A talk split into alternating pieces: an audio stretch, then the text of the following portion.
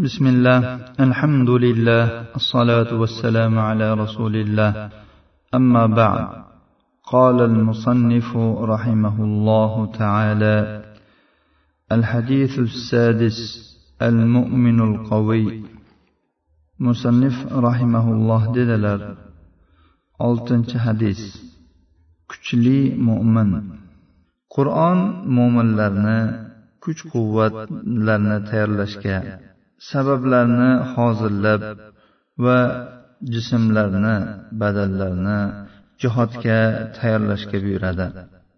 Alloh taolo aytadiki وأعدوا لهم ما استطعتم من قوة ومن رباط الخيل ترهبون به عدو الله وعدوكم وآخرين من دونهم لا تعلمونهم الله يعلمهم وما تنفقوا من شيء في سبيل الله يوفى إليكم وأنتم لا تظلمون sizlar dushmanlaringizga qarshi kuch quvvatlarni tayyorlanglar.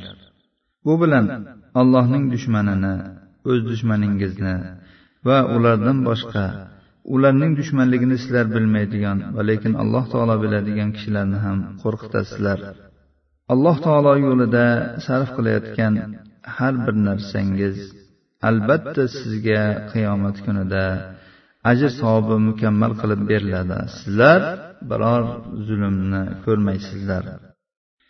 Sahih muslimda uqbat ibn omirdan rivoyat qilinadi dedilar. Men rasululloh sollallohu alayhi vasallamdan eshitdim u zot. Va aiddu lahum min quvva oyatining ma'nosida dedilarki ala innal quvvatir rami kuch quvvat bu otishdir kuch quvvat bu otishdir dedilar. Sahobalar otish ma'nosini juda ham keng ko'lamda tushundilar. Sad o'g'illariga aytadilarki ey o'g'illarim otishni o'rganinglar. Bu sizlar o'ynaydigan o'yinlarning eng yaxshisidir. Umar ibn al xattob roziyallohu anhu ubaydat ibn al jarroh roziyallohu anhu jamianga yozdilarki yosh bolalaringizga suzishni o'rgatinglar. Jangga qodir bo'lgan kishilaringizga otishni o'rgatinglar. toqati yetgan ishlarda tayyorlanish farzdir. Bu jihod farizasi bilan birga keladi. Qur'oni karim kuch quvvatni butun ko'rinishlari turlari va sabablari bilan tayyorlashlikka buyuradi. Qur'oni karim min quvvatin dedi nakira qilib aytdi. Bu yerda nakira bilan kelishi umumni ifodalaydi ribatul xayl dedi otlarni tayyorlash. Ana shu paytda ya'ni qur'on xitob qilgan kishilar oldida ot jihodning eng muhim olatlaridan bo'lgan. Qur'oni karim ularga ana shu paytda ular bilmaydigan va lekin alloh subhanava taolo ularning bo'lishini albatta bilgan. Boshqa bir qurollarni boshqa bir jihod oratlarini ham tayyorlash bilan xitob qilganda ular buni tushunmagan bo'lardilar va hayratda qolgan bo'lishardi. Shuning uchun ham alloh subhanahu va taolo bu kabi noto'g'ri tushunchaga olib boradigan so'zlar bilan bandalariga xitob qilmagan. Demak qur'oni karimdagi otlarni tayyorlash ma'nosi zamonlar o'tishi bilan turli tuman bo'lishi mumkin. chunki islom yer yuzidagi zaif kishilarni qutqarish uchun doimo kuch quvvatga ehtiyojli bo'ladi zaif kishilar haqida alloh subhanahu va taolo aytadiki وما لكم لا تقاتلون في سبيل الله والمستضعفين من الرجال والنساء والولدان الذين يقولون ربنا أخرجنا من هذه القرية الظالم أهلها sizlarga nima bo'ldiki ollohning yo'lida va ey parvardigor bizlarni mana shu ahli zolim bo'lgan mushrik bo'lgan makka shahridan bizni chiqargin deb aytayotgan bolalar ayollar va erkaklardan iborat zaif kishilarga yordam berish uchun jang qilmaysizlar. Ibn kasir min quvva oyatini sharhlab aytadilarki alloh subhanahu va taolo dushmanlarga qarshi jang qilish uchun toqatga qarab jang olatlarini tayyorlashga buyurmoqda. Imom ahmad aytganlarki abu ali sumamat ibn shafiy akasi uqbat ibn omirdan rivoyat qiladi undan eshitgan ekan. Uqba aytgan ekanlarki men rasululloh sollallohu alayhi vasallamdan minbar ustida turganlarida eshitdimki u zot dedilar sizlar dushmanlarga qarshi imkon boricha kuch quvvat hozirlanglar. Kuch quvvat otishdir dedilar. Payg'ambarimiz ushbu oyatni ogoh bo'linglar kuch quvvat otishdir deb sharhlagan paytlarida jihodning eng ko'zga ko'ringan xususiyatlaridan biri otishning turli shakllari ekanligi ochiq oydin namoyon bo'ladi. Otishni bilish bu kuch quvvatning eng muhim sabablaridandir. Rasululloh sollallohu alayhi vasallam musulmonlarni otishni o'rganishga targ'ib qilish bilan kifoyalanmadilar. Balki otishni o'rgangandan keyin doimo u bilan shug'ullanib turishni talab qildilar. Xolid ibn yazidil juhaniydan rivoyat qilinadi aytdi uqbat ibn omir mening oldimdan o'tardi va aytardiki ey xolid yuring ketdik otishamiz. Kunlarning birida men sal kech qoldim. Shunda aytdilarki ey xolid kelgin men senga rasululloh sollallohu alayhi vasallamdan eshitgan bir narsamni aytib beraman. Men u kishining oldiga yaqinlashdim. Aytdilarki rasululloh sollallohu alayhi vasallam dedilar alloh subhanahu va taolo bir dona kamon o'qi bilan uch kishini jannatga kiritadi. Bu kamon o'qini yasagan kishi agar shu kamon o'qini yasayotganda alloh taolodan ajr umid qilgan bo'lsa buni otuvchi kishi va otadigan odamga kamon o'qini olib berib turgan kishi. Otinglar otga mininglar sizlarni otishinglar men uchun. Ot minishingizdan ko'ra yaxshiroq va sevikliroqdir o'yin kulgi uch narsadadir. Kishi o'z otini tarbiyalashida ayoli bilan hazil mutoyaba qilib o'ynashishida va kamonidan o'qidan otishidadir kimiki otishni ta'lim olganidan keyin unda rag'bat qilmasdan tark qiladigan bo'lsa bu shu berilgan ne'matga nonko'r bo'lganidir yoki bu ne'matga nonko'r bo'libdi dedilar. Ushbu hadis yangi tuzilgan madina jamiyatida endi rivojlanayotgan hayot suratlaridan biri edi. Bu jihod va g'azovatlar jamiyati edi. Bu surat jihod sabablarini qilish va oyatining ma'nosini hayotdagi tatbiqini go'zal bir surat edi. Va bu hadis bizga to'xtovsiz ilmiy va amaliy ravishdagi jihodiy tarbiyani yana bir boshqa tomonni ham tasvirlab beradi. Abu hurayra roziyallohu anhudan rivoyat qilinadi. Nabiy sollallohu alayhi vasallam dedilar kim g'azot qilmasdan va o'ziga o'zi g'azot qilaman demasdan vafot etadigan bo'lsa u nifoqning bir bo'lagida vafot etibdi. Abu najih sulamiydan rivoyat qilinadi dedi men rasululloh sollallohu alayhi vasallamdan eshitdim. U zot dedilarki kim allohning yo'lida bir o'qni kofiriga yetkazadigan bo'lsa u uchun bu bilan jannatda bir daraja bo'ladi. Men ana shu paytda o'n oltita o'qni kofirga yetkazganman. Aytadiki men yana rasululloh sollallohu alayhi vasallamdan eshitganmanki u zot dedilar kim alloh taoloning yo'lida bir o'qni otadigan bo'lsa bu u uchun bir qulni ozod qilish bilan tengdir. Bu yerda kofirga yetkazish ya'ni kamonni otib kofirga yetkazgan bo'lsa uning u uchun jannatda bir daraja bo'lar ekan. Kim alloh taoloning yo'lida bir o'qni otgan bo'lsa lekin u kofirga yetmagan bo'lsa shunda ham u uchun bir qulni ozod qilganlik ajr bo'laveradi. Bu rasululloh sollallohu alayhi vasallam tomonidan jihodga targ'ib edi. Rasululloh sollallohu alayhi vasallam alloh haq subhanahu va taoloning oyatini otish quvvatdir deb tafsir qilgan paytlarida u zotning ushbu sharhlarida payg'ambarona bir e'joz borki ya'ni mo'jiza borki buni tarix davomida xalqlar o'rtasida bo'lib o'tgan janglar ochiq isbot qilib berdiki otish butun ko'rinishlari bilan janglarda g'olib bo'lish va nusratga erishishning asosiy unsurlari ekan. Kamon otishdan tortib to o'q otish va uzoqlarga yetadigan raketalarni otishgacha hamma otishni o'z ichiga oladi. Otish haqiqatda jangda ehtiyoj bo'ladigan kuch quvvat tushunchasining eng muhimi va jangning eng katta maydonini egallab kelgan va egallab kelmoqda.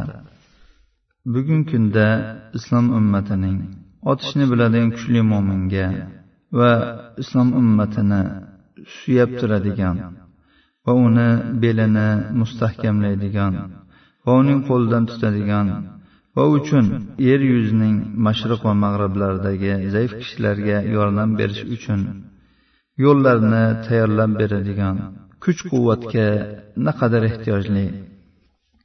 Alloh taolo aytganki sizlarga nima bo'ldiki allohning yo'lida? Va ey parvardigor bizlarni ahli zolim bo'lgan mana shu shahardan chiqargin. Va bizga o'z tomoningdan bir do'st va o'z tomoningdan bir yordamchi qilgin deb aytayotgan yoshlar ayollar va erkaklardan iborat zaif kishilarga yordam berishlik uchun jang qilmaysizlar. Alloh taologa iymon keltirish bizga quvvat ruhini beradi. Iymonli kishi faqat alloh taoloning fazli marhamatini umid qiladi. Alloh taolo yo'lda yetayotgan biror narsaga e'tibor qilmaydi. Iymon quvvati hubayb ibn adiyni osmoqchi bo'lib olib kelgan paytlarida ochiq oydin namoyon bo'ladi. Mushriklar uni osmoqchi bo'lib olib chiqqanlarida u mushriklarga qarata dedi agar sizlar meni ikki rakat namoz o'qib olishimga qo'yadigan bo'lsangizlar shunday qilinglar. Ular mayli o'zing bilasan deyishdi. Hubayb ikki rakat namozni juda ham chiroyli va to'la ko'rinishda o'qidi. So'ngra qavmga yuzlanib dediki allohga qasamki agar sizlar meni o'limdan qo'rqib namozini uzun o'qidi deb o'ylamaganingizda men bundan ko'ra chiroyliroq va bundan ko'ra uzunroq namoz o'qigan bo'lardim dedi. Va mashhur va ma'lum bo'lgan she'rlarini aytdilar. Ana shu she'rlarida aytadilarki men musulmon holatimda va alloh taoloning yo'lida o'ldiriladigan bo'lsam bu qanday ko'rinishda va qanday holatda bo'lishi menga e'tiborsizdir degandilar. Mo'min kishidagi kuch quvvat manbalaridan biri haq so'zni aytishdir. Kuch quvvatning manbalaridan yana biri jannatda abadiy qolishga ishonishdir. Kuch quvvat manbalaridan yana biri alloh taoloning qazoyi qadariga iymon keltirishdir. Qazoyi qadarga iymon keltirgan kishi albatta biladiki unga yetgan musibat albatta alloh taoloning izni bilan bo'lgan. Alloh subhanava taolo qur'oni karimda aytganki ayting ey muhammad sollallohu alayhi vasallam bizga faqat alloh taolo biz uchun yozib qo'ygan narsagina yetadi. Mo'min kishi rizqi taqsimlangan ajali chegaralangan deb biron kishi u bilan alloh taolo unga yozib qo'ygan narsa o'rtasini to'sa olmaydi deb e'tiqod qiladi. Mana shu e'tiqoddan kelib chiqib haqni mahkam tutadi. So'zda bo'lsin amalda bo'lsin go'zal axloqlarni lozim tutadi. U qo'rqinchdan dunyoga harislikdan qo'rqoqlik va baxillikdan ozod bo'ladi. Va butun kuch quvvat unsurlarining hamma turi bilan sifatlanadi. Mana shu kuchlik mo'mindir. U iymonida kuchli aqidasida kuchli ilmida kuchli jismida kuchli qurolida va otishida kuchlidir. Bu mo'min zaif mo'mindan yaxshiroqdir. Quvvatning boshqa bir tushunchasi. Rasululloh sollallohu alayhi vasallam kuchli mo'min tushunchasini boshqa bir uslub bilan ham ochiqlab berganlar. Abu hurayra roziyallohu anhudan rivoyat qilinadi dedilar. Men rasululloh sollallohu alayhi vasallamni shunday deyayotganlarini eshitdim. U zot dedilarki kuchlik odam yengish bilan emas. Sahobalar so'radilar ey rasululloh unda kuchlik odam kim? Aytdilarki g'azab kelgan paytda o'zini tuta olgan kishi kuchlidir. Mana shu tushunchalar bilan sifatlangan kuchli mo'min zaif mo'mindan yaxshiroq va alloh taologa sevikliroqdir fafi kullin xayr deyaptilar rasululloh sollallohu alayhi vasallam rasululloh sollallohu alayhi vasallam ularning har birida yaxshilik bor dedilar. Buning ma'nosi kuchlik bo'lsin zaif bo'lsin har ikki kishi iymonda mushtarakdirlar. Zaif ham qo'ldan kelgan ibodatlarni qiladi mo'min kishi badanida zaif iymoni va molida kuchli bo'lishi mumkin. Gohida mo'min kishi ozg'in va nimjon bo'ladi lekin u fikri va qalami o'tkir bo'ladi. Rasululloh sollallohu alayhi vasallamning ularning har birida yaxshiligi bor degan so'zlari mana shunga ishoradir. Hadisning davomida aytdilarki o'zingga foydali bo'lgan narsalarga haris bo'l. Alloh taolodan madad so'ra ojiz bo'lma. Buning ma'nosi alloh subhanava taologa toat ibodat qilishga haris bo'lish alloh taolo huzuridagi narsalarda rag'bat qilishdir. Ya'ni alloh taolo tomonidan mana shu ishlarni qilishda madad so'ra. Ojiz bo'lma. Toat ibodatni talab qilishda va bunga yordam so'rashda dangasalik qilma. Mo'min kishining o'ziga xos alomatlaridan biri farz ibodatlarni bajarishlikda haqiqiy rag'bat qilish g'ayrat qilish va harislikdir. Yaxshi ishlarga haris bo'lish va bularda rag'bat qilish maqsadlarni ro'yobga chiqarish uchun toat ibodatlarni talab qilishdan dangasalik qilish va ojizlik qilishga qarshi kurashadi. Banda mana shu sabablarni va vositalarni ushlagandan keyin afsuslanmaydi nadomat ham chekmaydi va shayton va vasvasa eshiklarini ochib men unday qilganimda bunday bo'lardi deb aytmaydi. Lekin u alloh taoloning taqdiri alloh taolo xohlagan ishini qiladi deb aytadi. Chunki agar so'zi shayton amalni ochib qo'yadi. Qozi iyoz aytadilarki ba'zi ulamolar dedilar bu hadisdagi qaytariq. Mana shu narsa haqiqatda shunday bo'lardi deb e'tiqod qilib aytgan kishi uchundir. Ya'ni agar men mana shunday qilganimda mana shu narsa menga qat'an yetmas edi deb aytadigan bo'lsa yo bunday deyishlik mumkin emas deganlar. Ammo kimiki bu narsani alloh taoloni mashiatiga qaytaradigan bo'lsa ya'ni alloh taolo xohlagan narsa yetadi. Endi alloh taolo shuni xohlab shu yetdi deydigan bo'lsa u bu qabildan emasdir. Bu qaytariqqa kirmaydi bunday odamlar? Rasululloh sollallohu alayhi vasallamning ushbu so'zlari dunyo va oxirat saodatini o'z ichiga oladigan juda ham foydali va purma'no so'zdir.